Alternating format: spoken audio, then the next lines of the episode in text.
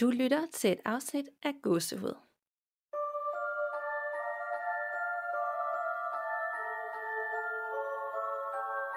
Hej Danika, Hej Nana. og hej til alle jer derude. Ja, alle jer, der, der lytter med, og som vi er så glade for, at I gider. Yeah. Så vi har nogen at tale til. Altså, vi taler jo bare med hinanden, men der er jo også nogen, der lytter med på, hvad vi snakker om. Ja, Og det her, det er jo et rent lytteafsnit igen. Yes. Fordi I sender så mange, og så mange uhyggelige og gode, og Ja. lange og korte og sjove beretninger. Ja, Og jeg tror ikke rigtig, vi kan få nok lige nu. nej, overhovedet ikke. Altså det er simpelthen sådan en fest, og hver gang man modtager en ny e-mail og læser den igennem, altså det er, det er så dejligt, det er så Det er det det skønt, så bliv endelig ved med at sende alt det I kan. Og så er det jo oktober, Ja, og det kan også være derfor, vi gerne vil læse endnu flere beretninger op og skræmme hinanden lidt. yeah, Eller det er bare, det nemlig. Det er jo det. Og vi kan jo godt lide oktober, fordi det er Halloween, og det Ja. indbyder bare til uhygge og gyserfilm og skræmme hinanden. Præcis. Og vi har jo også en lang liste ind i den private Facebook-gruppe, som er bogmærket øverst op, hvis man er medlem der. Og hvis man ikke er, så øh, Skynd dig ind i ja, gruppen. skynd dig ind og, og anmod, og så godkender vi. Ja. Og der har vi listet alle film, vi har snakket om i alle afsnit, og serier, og podcast, og Apps, Ja, apps. og alt muligt, ja. Vi mangler faktisk nogle bøger, gør vi ikke? Eller? Jo, der var nogen, der havde lavet en tråd på et Ja. tidspunkt, også som spooky bøger, men øh, jeg, jeg tænker også, at vi skal have det skrevet ind mm. som en kategori derinde. God idé. Så får vi, vi har det hele samlet derinde, så hvis man nogensinde har hørt en eller anden anbefaling, Ja. så kan man som regel genfinde den derinde, hvis man ikke lige kan huske titlen på, hvad det nu var. Ja, Så der er i hvert fald masser af underholdning at gå i gang med her i Ja. oktober. Det er der i hvert fald også. Og hvis man planlægger at holde en Halloweenfest eller noget, så er der nemlig også de her forslag til apps, man kan bruge til at lave sådan nogle små lege, hvor man øh, finder spøgelser rundt omkring i ens mm. eget hjem og alt det her. Ja. Plus, at der jo også inde i Facebook-gruppen er den her tråd, der kører om, hvad der sker rundt omkring øh, af Halloween-arrangementer og sådan noget. Så tjek den ud, også ud, hvis I, hvis I ja, måske skal ud på noget inspiration. ghost tour, eller noget, nogle uhyggelige hus, hvor at I skal skræmmes. Ja, Der er jo også øh, det i Tivoli, ja, i anledning Det er af rigtigt. Halloween. ja. Og det har jeg endnu ikke øh, prøvet, men i år kan godt være året, hvor jeg skal ind i det hus og skræmmes til døde. Helt sikkert. Det synes jeg, du skal gøre. Jeg har været der et par gange til øh, Halloween, ja, og jeg synes bare, det var super fedt. Ej, nu glæder jeg mig endnu mere. Ja, ej, det er faktisk også virkelig et godt Halloween-minde. Ja. Øh, jeg, har, jeg var et år, der var jeg i øh, Disneyland i Paris, mm. sammen med øh, min far og min søster og mine to niæser. Ja. Og øh, det var bare sådan Halloween Tivoli gange 1 milliard i? Disney-format. Ja, med øh, haunted houses og spøgelsestur og en lidt skræmmende øh, Disney Princess Parade ting, der, Ej, øh, der var der. Ja. Det var sindssygt fedt. Virkelig, virkelig gennemført. Altså, ja, Var det, det også med rigtige skuespillere, der skulle skræmme jer ind i, øh, i de her huse? Ja, ja. lige nøjagtigt. Det var virkelig, virkelig fedt. Så gennemført. ja. Ja. Men Jeg ved bare ikke, om jeg tør, når der er, Jeg ved på forhånd, der er nogen, der skal hoppe ud i hovedet af mig. Ja. Forskellige steder. om jeg kan gå igennem det, velvidende, at jeg, jeg får jordens største chok på et tidspunkt. Ja, altså jeg synes, øhm, det var okay, fordi det var jo Disney, så det skulle være børnevenligt det hele. Okay. Ikke? Øhm, jeg, kan, jeg tror ikke, at de havde lavet øh, studios på Nej. det tidspunkt, men jeg tænker, at hvis det er der nu, og at de holder Halloween der, så er det der, hvor man ja, virkelig får Men det sig. gør de nemlig, fordi at uh, Two Girls, One Ghost, som jeg også jeg lytter til, som Ja. er det der overnaturlige podcast i øh, USA, de har nemlig været nede i Universal Studios i Florida, hvor de har en hvert år til Halloween, noget der hedder Haunted uh, walk, eh, Walks, hvor de har en masse forskellige hus, hvor hvert hus har et tema, og hvert Ja. år så er det et nyt tema. Så i år er der et helt hus, der kun handler om Stranger Things, Ej, og ja. et, et helt hus, der handler om Yeti og Bigfoot, og et helt øh, hus om, øh, hvad hedder det, klassiske horror øh, ting, og så Ja. videre. Og så er der seks huse i alt. Øh, der er også et kun med kloven. Ja, Øh, og så hvert år, så er der et nyt tema. Der er også et med Ghostbusters. Som Hvor er sådan lidt sjovt. Ja. ja. Og så bruger de over et år på at forberede op til hvert eneste år. Og det er jo også noget, de kalder det characters. ja. Dem, der kommer og skræmme, ikke? Fordi, Ja. ja. ja. Øh, og det skulle være så gennemført. Ej, men det er Kæft, det så gad jeg fedt, mand. Ja. Det er en kæmpe drøm for mig ja. at komme til USA og prøve at holde Halloween en gang. Ja. Altså, det er så fantastisk. Ja. Jeg har en gammel kollega også, der bor i LA, og øhm, jeg elsker også, øh, når han sådan lægger alting op på, øh, på Instagram. Øhm, hver Halloween. Ja, ja. Øh, ham og hans kone, de holder nogle rigtig gode fester, hvor alle er fuldstændig Ej, acer deres øh, udklædninger, ja. ikke? Og øh, der var et år, hvor han faktisk arbejdede for Warner Brothers øh, Music. Så øh, ham og hans kone de var inviteret ind i Warner Brothers filmstudie øh, til Halloween. Ja. Og det var passet lige med, at det var samme år, de udgav del 1 af et filmen. Ej. Den nye et film, ja. Så de havde selvfølgelig lavet sådan noget uh, Haunted House, hvor man kørte igennem alle, uh, hvad hedder det, kulisserne og sådan noget fra, uh, fra filmen. Det var, det var fuldstændig Ej, genialt at gennemføre det, ja. Det gad jeg godt. ja. Ja, det er bare vildere derovre. Det er det For kunne virkelig. det være fedt. ja det er så Kunne Tivoli være med der med deres Haunted House? Slet ikke. Altså, det, det er fedt Tivoli, også fordi Tivoli er jo bare smukt, og Ja. deres dekoratører og alting er jo er virkelig dygtige. Ikke? Men det er jo ingenting i forhold til, Nej. til USA. Forestiller mig, nu har jeg jo aldrig været der. Nej, men nej. Ja, Men det kan drøm. være, at de har oppet sig endnu mere i år, så hvert år så bliver det også vildere og vildere og vildere, og til sidst så... Det tror jeg er i takt med, jo mere og mere populært Halloween bliver Ja, herhjemme i Danmark. Så kan det også være, at det kommer til at fylde mere også andre Ja. steder. Også som vi nævnte sidst, at der var på Nationalmuseet, at de også Ja. kører sådan nogle tema i en hel uge, hvor der er forskellige uhyggelige ting, man kan melde sig til. Ja. Øhm, og det kommer jo bare til, og der er også noget ude i, øh, på et museum, jeg kan ikke huske, hvad det hedder, Landbrugsmuseum eller andet, hvor der også er noget Nå. Halloween, hvor man sådan går blandt de der gamle huse. Kan jeg også lige Fedt. prøve at finde, det så jeg også, ja. Så der sker mere og mere, og der er flere og flere ting, man kan tage til, uhyggelige ting. Ja, Og det er jo mega fedt. ja, det er det. Så nu håber jeg, at det bliver ligesom jul, hvor man starter i august, og så slutter det en gang i november. Præcis, ja. Det håber jeg også. Men det er et lytterberetning afsnit. Ja, det er det. Så vi må til sagen. Men, for der skal være et men, ej. men inden vi går i gang, smid os en bunke stjerner, hvis ja. Ja. I har lyst. Læg en uh, anmeldelse. Følg med i den private Facebook-gruppe eller på Instagram. Det er sådan ligesom øh, den måde, man også kan give igen til os, når vi bruger så meget tid på det. Ja. Og det er jo fedt, at engage- I engagerer at vi kan være i det sammen. Jeg føler ikke, at det er ja. vores, eller os tos podcast. Jeg føler, det er vores, altså alle dem, der lytter med. Ja. Det er, Det er også deres. fællesskab. Det er et fællesskab, hvor alle kommer med beretninger, engagerer sig og gode tips til film og bøger og ting og sager. Og det Ja. synes jeg bare er fedt. Det kan godt være, at vi afsætter på det, men det er jo ikke kun vores. Det vil jo ikke Nej. være sådan her, hvis der ikke var alle dem, der lyttede med. Ja, Og der nemlig. er simpelthen, det er mega fedt, for der er bare så mange, der lytter med efterhånden. Altså, det er jo, en, det er jo sejt. Ja, så tusind tak folk- til ja, alle jer, der anbefaler, og så siger det videre til deres venner, og ja, tusind tak til jer. Tak. Ja. Og nu er der ikke flere mænd, fordi nu skal vi skræmme hinanden. Yay! Vil du starte? Ja, jeg har en øh, lytterberetning fra en anonym. Kære fantastiske godset podcast. Tak for mange timers underholdning. Jeg har binge-lyttet podcasten i løbet af den sidste uge, og nu er jeg helt med og glæder mig allerede til næste episode. Fedt.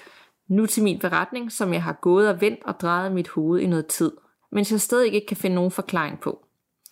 Jeg arbejdede aftenvagt på et plejehjem, og har lige siden jeg startede der groet for den aften, hvor jeg vil opleve noget uforklarligt. Mm. Der sker jo mange dødsfald sådan et sted. Ja. Jeg var på vagt aften efter en borger var blevet sunget ud, og lejligheden blev låst af. Jeg havde en rigtig god relation til borgeren, og vi havde haft så mange gode stunder sammen. Da jeg står i fællesstuen, får jeg et opkald på telefonen. Det ringer alarm nede for borgerens stue. En alarm, der kun kan aktiveres ved at trykke på et armbånd, der ligger inde i lejligheden. Hmm. Det rislede koldt ned ad ryggen på mig, og jeg kiggede forskrækket på min kollega. Jeg fortalte min kollega, hvem der havde ringet alarm, og hun grinte lidt halvforsigtigt og tydeligvis også skræmt og sagde, at det havde de oplevet en gang før. Jeg besluttede mig for at gå ned til lejligheden. Den lå for enden af en lang gang, og det første jeg bemærkede var, at lyset ude foran hoveddøren var tændt. Et lys, der kun kunne tændes på en kontakt, der sad inde i lejligheden. Ej, ad. Det var på ingen måde muligt, at det lys kunne tændes andre steder fra. Hårene rejste sig på kroppen, og jeg skyndte mig at låse døren op og slukke lyset. Og jeg låste døren igen. Jeg havde en fornemmelse af borgerens tilstedeværelse. En sidren i min krop. Hans sidste dage havde været mange uhyggelige, hans, øh, havde ma- mange uhyggelige minder, omhandlende hovedløse heste og mennesker siddende i hjørnerne i loftet, mm. hvilket havde gjort ham meget uroligt, forståeligt nok. Hans tilstedeværelse nu føles rolig og behagelig, og jeg sagde til ham, at han gerne måtte forlade et sted nu. Der var ingen, der holdt på ham. Jeg gik tilbage, og jeg følte, at jeg fik taget afsked. Det var en mærkelig blanding af uhyggeligt og smukt, No. som om, at alarmen var et farvel og tak for denne gang. Jeg har udover det ikke oplevet andet, der ikke kunne forklares, men jeg har haft mange, mange, mange mærkelige energier. Det var min beretning. Nå, ja. for Det, anonym. det, var, det var det, jeg også tænkte. Altså, mm. at da, da hun fik det der alarmopkald, at det var den der sidste hilsen, ikke? Sådan, mm. farvel og tak. Jeg tænker også på plejehjem eller hospitaler, som vi også har tidligere talt om. Ja, Med en, du også kendte, der sad i... Øh, altså, der sker bare ja, så meget, at det må være svært at undgå, om ikke andet, at mærke til, at energier, ja, uden at se noget, ikke? Jeg tror ikke kan undgås, når et menneske dør. Ligesom når øh, der er en fødsel, altså, så opleves der jo også en helt magisk energi. Nu er der nyt liv, ja, og tilsvarende når nogen dør, så, øh, så er der også noget, der forsvinder. ja, Selv øh, Rasmus, min mand, han siger jo også, at når de, altså han, øh, han er redder, at når nogen dør øh, ved dem, ja, så kan han så ændre et rum så også. Selvom man ikke tror på noget, så sker der noget i et rum, som når sjælen forsvinder, eller energien går ud af kroppen, som Okay. okay. alle kan mærke, selvom at det ikke, øh, at han, han tror jo ikke på spøgelser. nej, Men han kan jo godt mærke, at når nogen dør foran ham, så sker der et eller andet. okay, ej, hvor vildt. Ja. Så, øh, så, men det er som han, det adskiller han, altså, det kan alle mærke, der er i rummet. At Ja. der, der har prøvet at se nogen dø foran sig. Har du nogensinde prøvet at se nogen dø? Mm, nej. Jeg har været ved nogen lige efter de døde.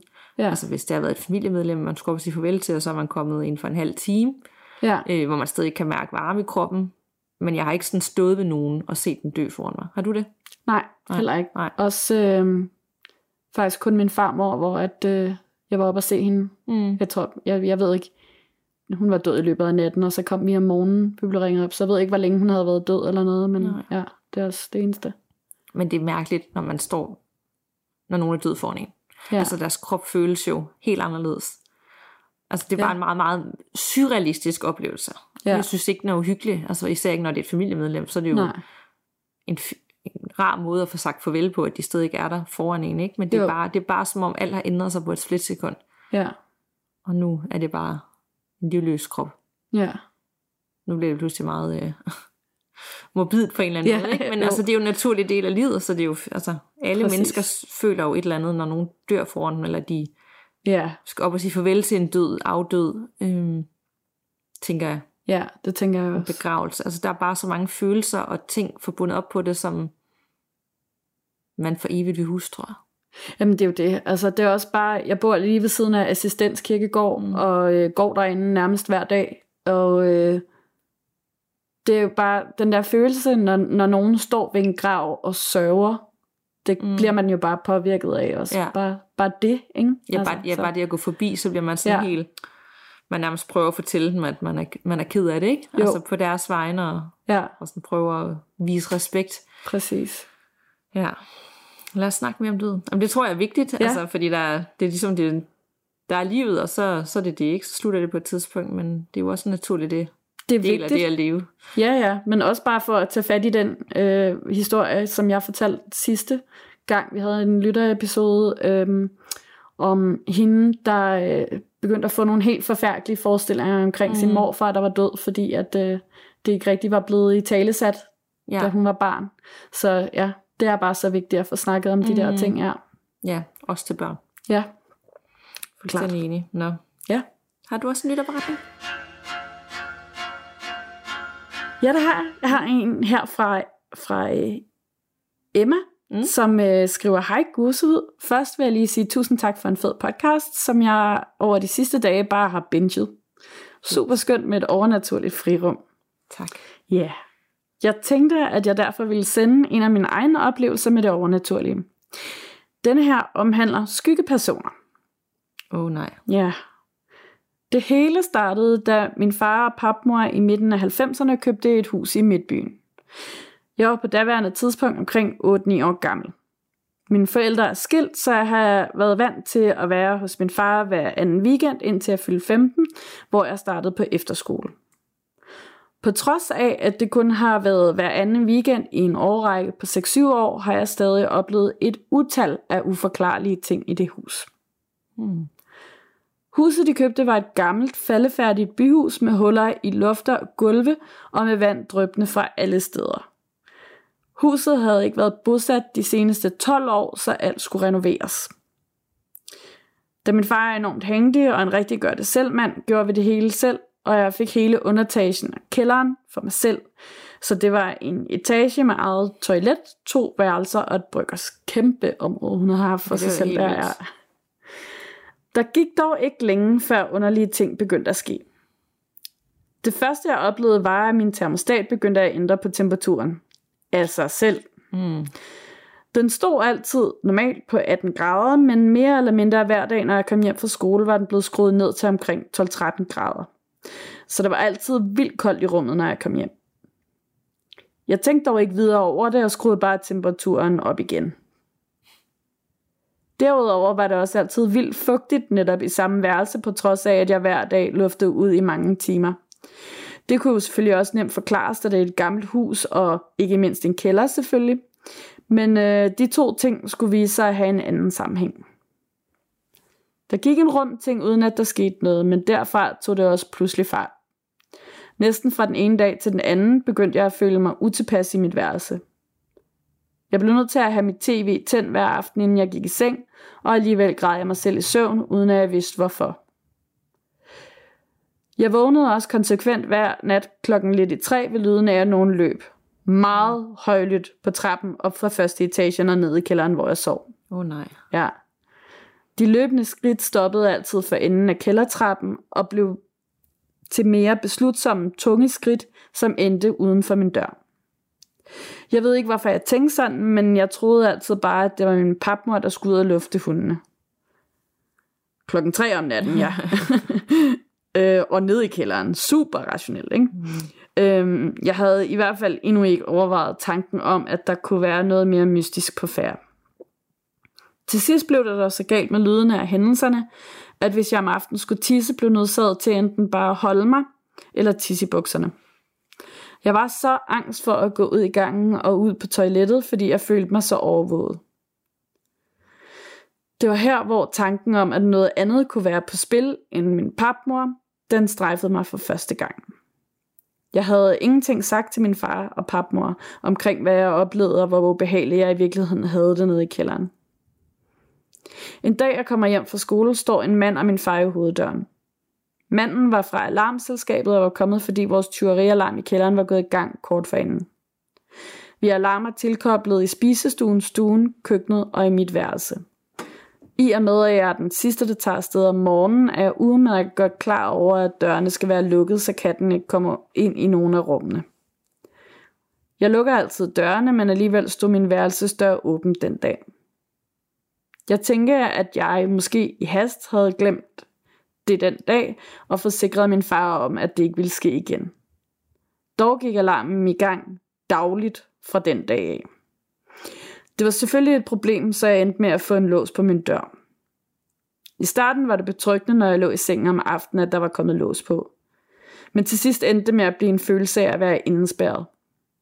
Rummet begyndte at blive mere og mere tungt og mere og mere mørkt for hver nat.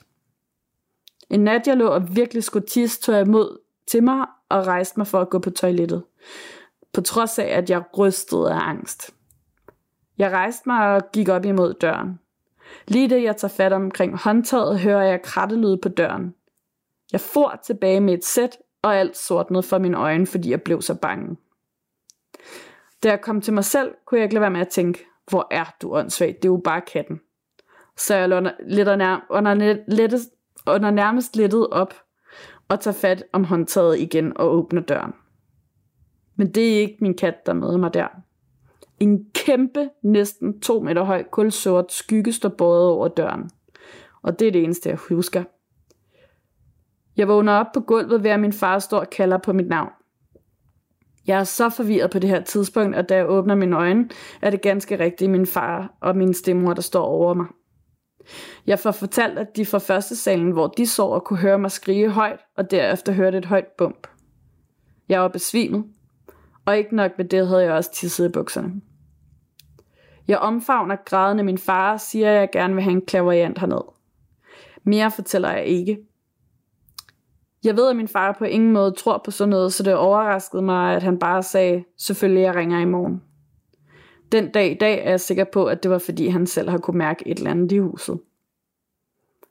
Jeg husker ikke, at der gik ret lang tid, før en klaverjant kom hjem til os. Jeg var i skole, da, der, da hun var på besøg i huset, men øh, min stemmer, som var rundt med hende, fortalte, at klaverianten godt kunne mærke nogle energier i huset. Om det passer eller ej, så kunne hun fortælle os, at det var manden, som byggede og ejede huset i 1907, som gik igen. Han fungerede som sådan en slags pedel i huset og døde til synlædende af noget gasudslip nede i fyrrummet. Det der er mit værelse nu. Mm. Han kunne ikke forstå, at jeg lå og sov i hans hus, og han ønskede mig bare væk derfra.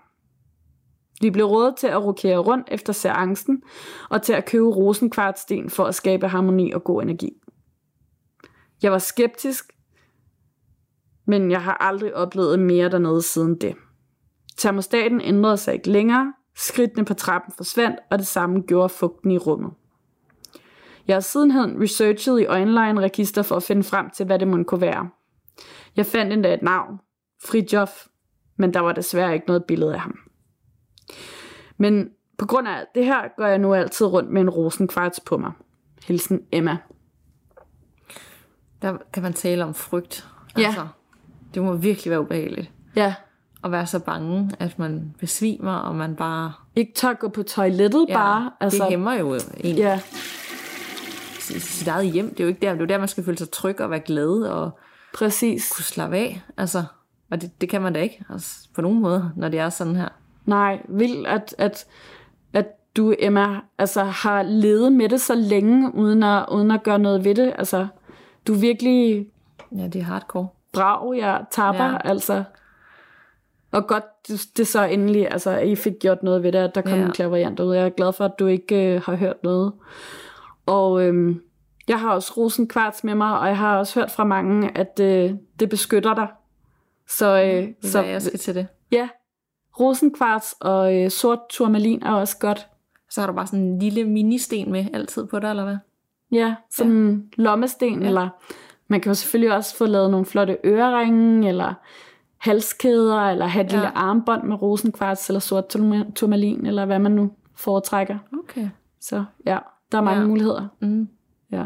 Men det lyder til, hun har, at det hjælp. Ja. Og, øh, at få det igennem, og hun ligesom har fundet ro i det nu. Ja, Men det er nok også svært, når man bor et sted, og det ikke er ens eget hjem. ja, At skulle ligesom melde det her ud, at man har det. Det er noget andet, hvis man bor, man er voksen og bor i sin egen lejlighed, ikke? og kan tage alle valg selv. præcis. Men her involverer det jo bare en masse mennesker. Ja, Så en vild, vild oplevelse, meget hæmmende, og på en eller anden måde, jeg fik nærmest klaustrofobi, der fortalte om den, for man kunne se sig selv ja, være fanget i det der med, at hun skulle låse. Nu kunne hun ikke have alarm på længere, hun skulle låse, og hun følte sig bare, ja. rummet var tungt og indelukket, ikke? Jo, præcis, Ej. og fugtigt, og ja, det hele var bare ubehageligt. Ja. Det var bare ja. rent ubehageligt, alt det, det Ja. fik forklaret. Ja. Nå. Lytterberetning nummer tre. Yes. Hej med jer. For det første, ikke alle efterskoler er gamle og creepy. det er ikke kun yde herregård, og heldigvis har jeg aldrig personligt oplevet noget overnaturligt på den, jeg gik på. Just to put it out there. Point taken. Jeps. Ja, der findes mange efterskoler, der ikke er hjemsøgt. ja, Sikkert gudskelov de for det. fleste. Altså, ja. Satser vi på, det håber Ja. jeg. Men det er rigtigt nok. Her til min historie. Jeg er født og opvokset i en lille by på Lolland med ca. 400 mennesker. Jeg gik på den lokale landsbyskole, og det er sådan en slags by, hvor alle kender alle. Vi boede på min, en gård, min mor og mine to søstre og jeg, og den var trukket lidt tilbage fra byens hovedgade, så vi var lidt isoleret i forhold til de omliggende huse. Min mor havde købt gården som et dødsbo 20 år tidligere og havde selv bygget den op og fyldt den med dyr i alle størrelser og farver. Jeg husker tydeligt en aften, eller rettere en nat, hvor at det skete en masse besønderlige ting. Jeg sad i vores stue og så tv med min mor, og pludselig begyndte vores katte at miave og løbe rundt, som om der var et eller andet galt. Min mor spottede lige med det samme og rejste for at se, hvad det foregik. Hun åbnede hoveddøren, og pludselig kunne vi høre kirkeklokkerne ringe, selvom det var sent om aftenen, nok omkring midnat, mm. og kirken jo ikke rigtig ringer på det tidspunkt. Fra vores hoveddør kan man kigge til venstre og kigge ud på vores hestefolk, hvor vi på daværende tidspunkt havde tre heste. Hun spottede, at to af dem løb rundt i cirkler, slog ud med hovedet og vrinskede efter hende.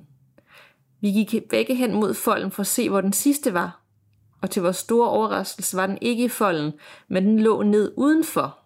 syg og i smerter. Vi fik fat i en dyrlæge og fandt ud af, at den havde noget med tarmene, som gjorde, at den ikke kunne gå eller stå uden smerter. Og derfor var det også et kæmpe mysterium, hvordan den var kommet ud. At springe over hegnet har nemlig ikke været muligt. Og det er måske ikke en spøgelseshistorie, men i særdeleshed underligt. Hvorfor ringede kirkeklokkerne? Hvordan var hesten kommet ud af folden? Og hvorfor ofte opførte alle dyrene sig så underligt lige pludselig? Det er stadigvæk et mysterium for os, og til den dag i dag kalder vi den nat for dyrenatten. En anden episode omtrent den samme periode, der havde vi endnu en ikke bygget vores første sal, som min søster del værelse. Det blev den ene træt af, så hun indtog det eneste rum, der var på den store første sal. Det var gammel, brun og ikke i stand sat. Hun var vel cirka 15 år gammel, og hun flyttede sine ting derop, pyntede de brune brædder med plakater og boede der i bedste velgående. Indtil en dag, eller rettere sagt en nat, hvor hun lå i sin seng og pludselig mærkede noget eller nogen tage fat om hendes ankler og trække hårdt, ind, og hårdt i hende, som om hun blev trukket ud af sengen ned fra fodenden. Hun holdt hårdt fast i sengen og gemte sig under dynen og holdte sin gråd i sig for ikke at give en lyd fra sig. Men det blev for meget for hende, og pludselig skreg hun højt, løb ned ad trappen og ned til vores mor. Min søster lignede noget, der var løgn. Hun græd og var forskrækket og havde en slem blodnæse lige pludselig. Min mor blev derefter nødt til at flytte værelset ned under igen. År senere blev første salen i stand sat. Jeg havde det store værelse for enden, og min søster fik hver deres. Ingen af os oplevede noget konkret igen, men jeg har aldrig tur sove deroppe alene, fordi jeg har haft en mærkelig mavefornemmelse, og det var både før og efter jeg fik den her historie fortalt. Nå, men det var min historie. Tak for en god podcast. Hilsen Annie. Puh, det lyder virkelig uhyggeligt. Ja.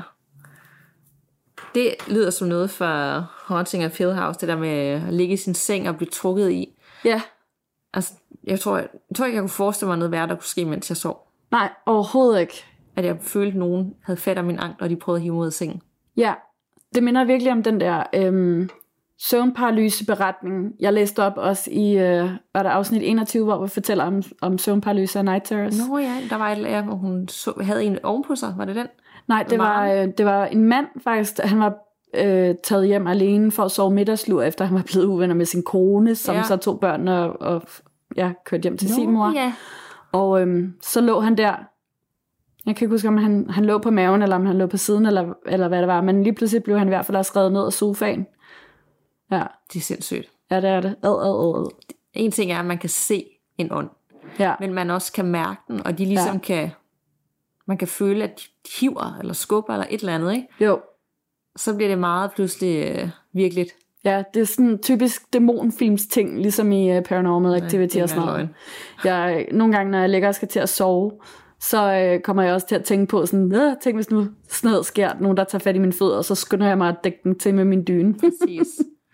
Ja. Jeg, jeg, altså når jeg sover, så sover jeg jo også, i hvert fald når jeg falder i søvn, med en dyne helt over hovedet. Ja. Altså, altså mit ansigt stikker lige ud, men kun, kun lige øjnene og lige lidt af kinderne. Ikke? Alt er jo bare sådan pakket ind i en dyne. For Ja. ja. Jeg skal ikke have noget frit. Nej. Jeg kan ikke lide tanken om, for jeg skal også have ryggen til, jeg sover også inderst ind mod en væg, og så har jeg ryggen til alt andet. Ja, Så jeg kigger ind i væggen. Jeg okay. skal ikke kigge ud i rummet, Nej, fordi så, øh, så sover jeg ikke. nej. Så det er sjovt, man har sine små ritualer for ligesom at, nu er jeg safe, ikke? Altså nu er der Præcis. ikke nogen, der kan fange mig.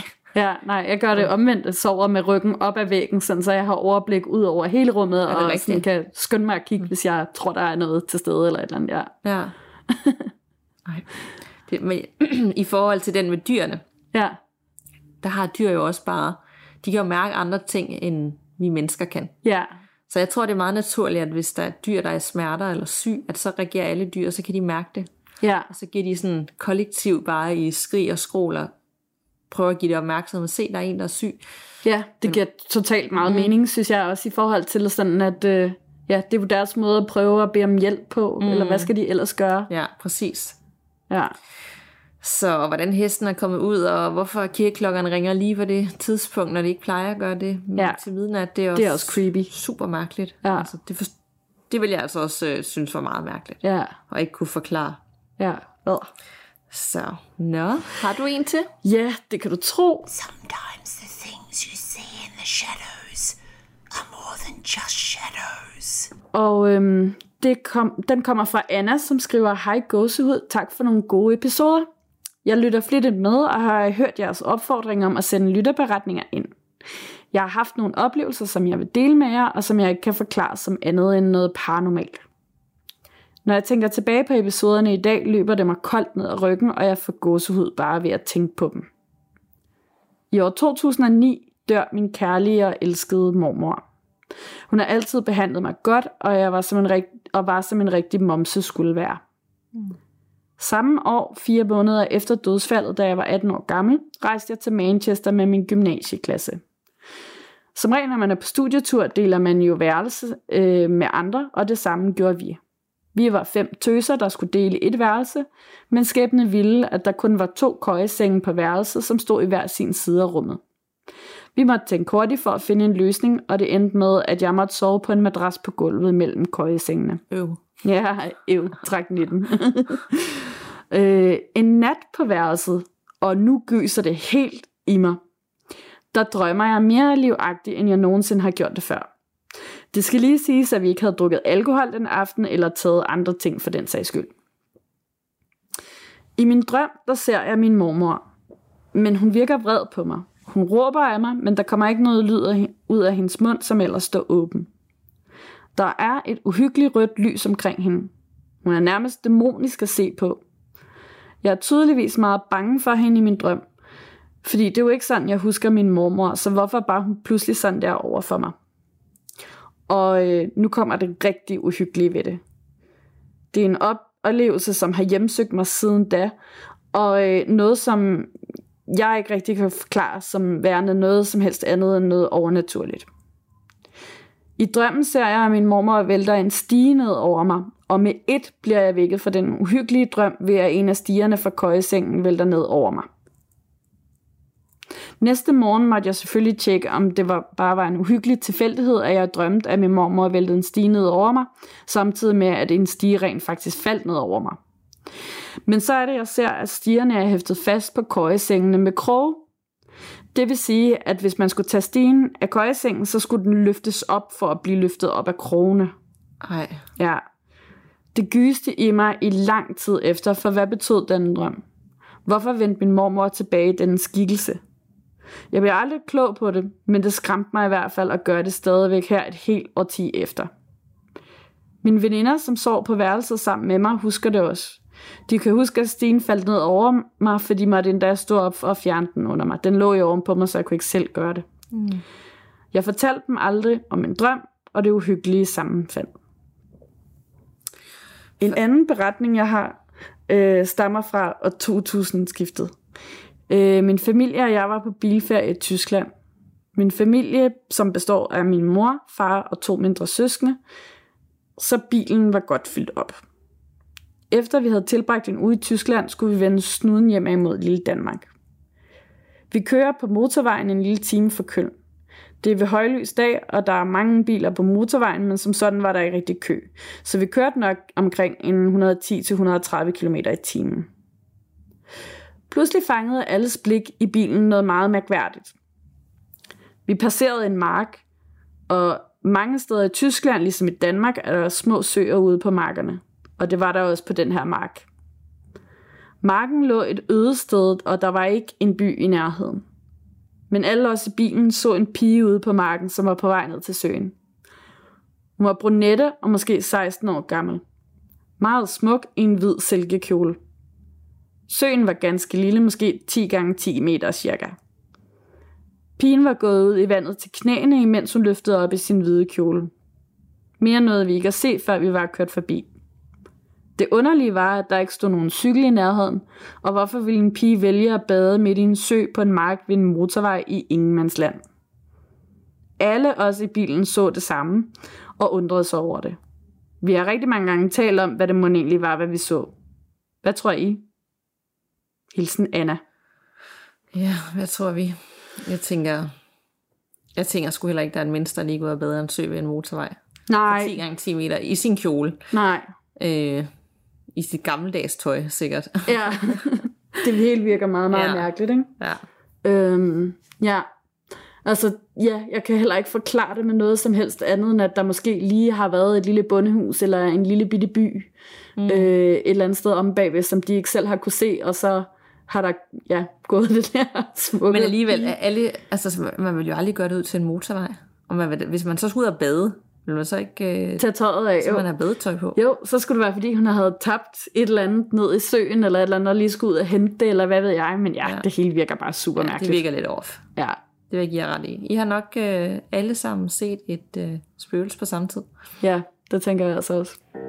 Det, øh, hvis jeg endelig skulle se øh, et spøgelse, så gad jeg godt se det sammen med fire andre. Ja, Så er sådan, nå ja, jeg så Ja. det også, ja. så man er mere sikker på, hvad det Ja. egentlig var, der lige skete der. Ja, Og så vil man altid have det sammen. Præcis. Det med Stine, altså øh, hele den historie, det, den fik jeg det virkelig dårligt af. Altså, Ja. Det var bare, det var sådan, der var ikke noget godt i den. Nej, Og det tog skikkelse i form af mormoren, som kom tilbage, som noget havde sådan lidt udnyttet ja, præcis. hende til at nå til hende. Ja. Det er virkelig skræmmende. Også bare det der med en person, som man virkelig har elsket så meget, og føler sig 100% tryg ved, lige pludselig mm. tager skikkelse af noget, der er virkelig uhyggeligt og ondt. Ikke? Præcis, og alligevel skulle løfte sådan tung stige af nogle hængsler, Ja. ja. krogene skulle af, Ja, for den så kunne vælte nedover. ja. Det kan jo ikke ske ellers, Nej, forestiller mig. nej. Så det var da ikke en uh, rar oplevelse. Jeg, tæ- jeg tænker også, hvis det nu var, at det var fordi, at hende, der lå i den øverste køje der, øh, var kommet til at sparke til den, så den var rådet af eller et eller andet. Altså, mm. når det er så voldsomt, så er det vel også noget, man vågner af, at man kommer til at gøre. -agtigt. Ja, ja. ja. Det var i hvert fald uhyggeligt. Ja, det var det. Og nu skal vi slutte med en sidste lytterforretning Yay. for i dag. Øhm, og den kommer her. Hej piger. Jeg har brug for at fortælle jer min oplevelse med det overnaturlige, og der er mere end en. Jeg har altid været et meget åbent menneske over for det overnaturlige. Jeg tror, det er noget, jeg har arvet fra min mor. Hun har med tiden lært, at hun selv kan kommunikere med ånder. Det skal lige siges, at jeg ikke har boet med min mor, siden jeg var 14 år, hvilket nok er meget godt, så vi ikke slipper for meget hjem sammen. Nå, men historie 1 starter i det første hus, min mor leger med hendes nye mand på Sjælland. Vi har altid boet på Fyn op til da. De har anskaffet sig verdens sødeste kat, men den ligger altid ovenpå, lige indtil klokken bliver 23 hver aften, så kunne hun ikke komme hurtigt nok ned ad trappen. Da jeg kom på besøg, blev det desværre kun værre. Selvom dagen kunne vi mærke personen. Jeg kunne ikke se noget, men en dag sidder jeg og spiller kort med min mor. Pludselig kigger min mor og skriger og råber, gå væk fra min datter. Min mor blev meget bange, fordi der stod en dame, der skulle til at kvæle mig, men min mor nåede at stoppe det. Om natten sover jeg ovenpå. Om natten vågner jeg ved, at der ligger nogen ved siden af mig og putter sig ind til mig. Jeg kan ikke se nogen. Jeg kan bare mærke det. Behøver jeg at sige, at jeg ikke sov mere den nat? Ja. Fra næste nat sov jeg nedenunder og mærkede heldigvis ikke mere til det. Anden historie. Min mor og hendes mand er flyttet fra deres første hus og til dette hus, og allerede fra første nat kunne jeg mærke, at der var noget galt. Jeg sover nede i kælderen i et kæmpe værelse. Hvorfor skal man også vælge kælderen? Ja, ja. Jeg skal aldrig bo i en kælder. Der stinker af cigarrøg nede i værelset, og selvom jeg selv var ryger på daværende tidspunkt, kunne jeg lugte det, og jeg røg ikke på værelset. Efter et par nætter i værelset blev det kun værre. Jeg ligger og snakker i telefon med mit daværende kæreste, totalt teenagerforhold, hvor vi diskuterer, hvem der skal lægge på først. Vi er 15 år på det tidspunkt. Lige pludselig går telefonen bare ud, selvom der er masser af strøm på. Jeg tænker ikke videre over det og slukker lyset på natbordet. Fem minutter efter jeg slukker det, vælter alle bøger på min natbord. Jeg skriger bare på min mor, som selvfølgelig kommer løbende. Og da hun kommer ind, fortæller hun mig senere hen, at der er mega kold og stinker af cigarrøg igen. Jeg havde ikke fortalt min mor, der lugtede af cigar på værelset før det. Jeg sov på sofaen resten af tiden, jeg var der, men alle mine ting var stadigvæk i kælderen, og hver gang jeg kom ned, lå mine ting slet ikke, som de plejede. Mm. Senere hen, og inden min mor kendte sine egne evner, så havde de en ude at rense huset. Og hun fortalte, at der var en gammel mand, der røg cigar, som var død i netop det værelse, jeg sov i. Øj. Ja, Historie nummer 3. I samme hus, efter det blev renset, der går jeg i bad en dag. Der er håndværk overalt i huset, så jeg vælger at låse døren, hvilket jeg ellers aldrig gør. Netop den dag, jeg gør det, mens jeg står og vasker hår, så ser jeg genskæret i bruseren en skikkelse af min mor. Jeg skynder mig at skille, skylle sæben ud af håret og rende ind i stuen kun med et håndklæde om mig og spørger min mor, hvad fanden hun laver, mens jeg er i bad derude. og selvfølgelig havde min mor ikke været derude. Vi sidder og snakker om det efterfølgende, og det passer med, at det præcis er to måneder siden min mormor døde. Jeg har aldrig været tæt med den del af familien, men jeg husker, at jeg havde lagt et brev i hendes kiste, hvor jeg havde skrevet, at jeg var ked af, at vi ikke havde fået snakket sammen de sidste fem år. Så jeg havde på fornemmelsen, at det var hende, der ville sige farvel. Hun og min mor lignede hinanden meget, da de begge var i 40'erne, men det var nok et meget upassende tidspunkt. Jeg har faktisk også noget i mit eget hjem lige nu, men det er bare en gammel dame, der laver lyden af at hakke grøntsager sent om aftenen. Hun har boet på grunden, inden det blev lavet om til lejligheder. Hun lavede altid sen aftensmad, da hendes mand kom sent hjem. Dog har jeg døbt hende Olaf for at gøre hende til noget stille og roligt, selvom katten er pænt ligeglad med hende, fordi hun bare er så rolig. Og det var det. Ej, altså. Jeg ved, hvordan at hun ved, at, at det er en, der har boet på grunden. Altså, inden, Ja.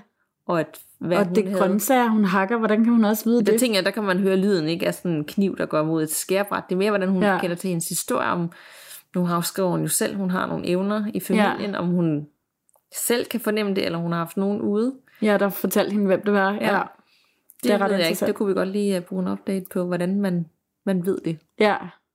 Altså, det ved jeg ikke, hvordan. Jeg vil, jeg vil jo ikke vide noget. Nej, Jeg vil, og det vil jeg heller ikke.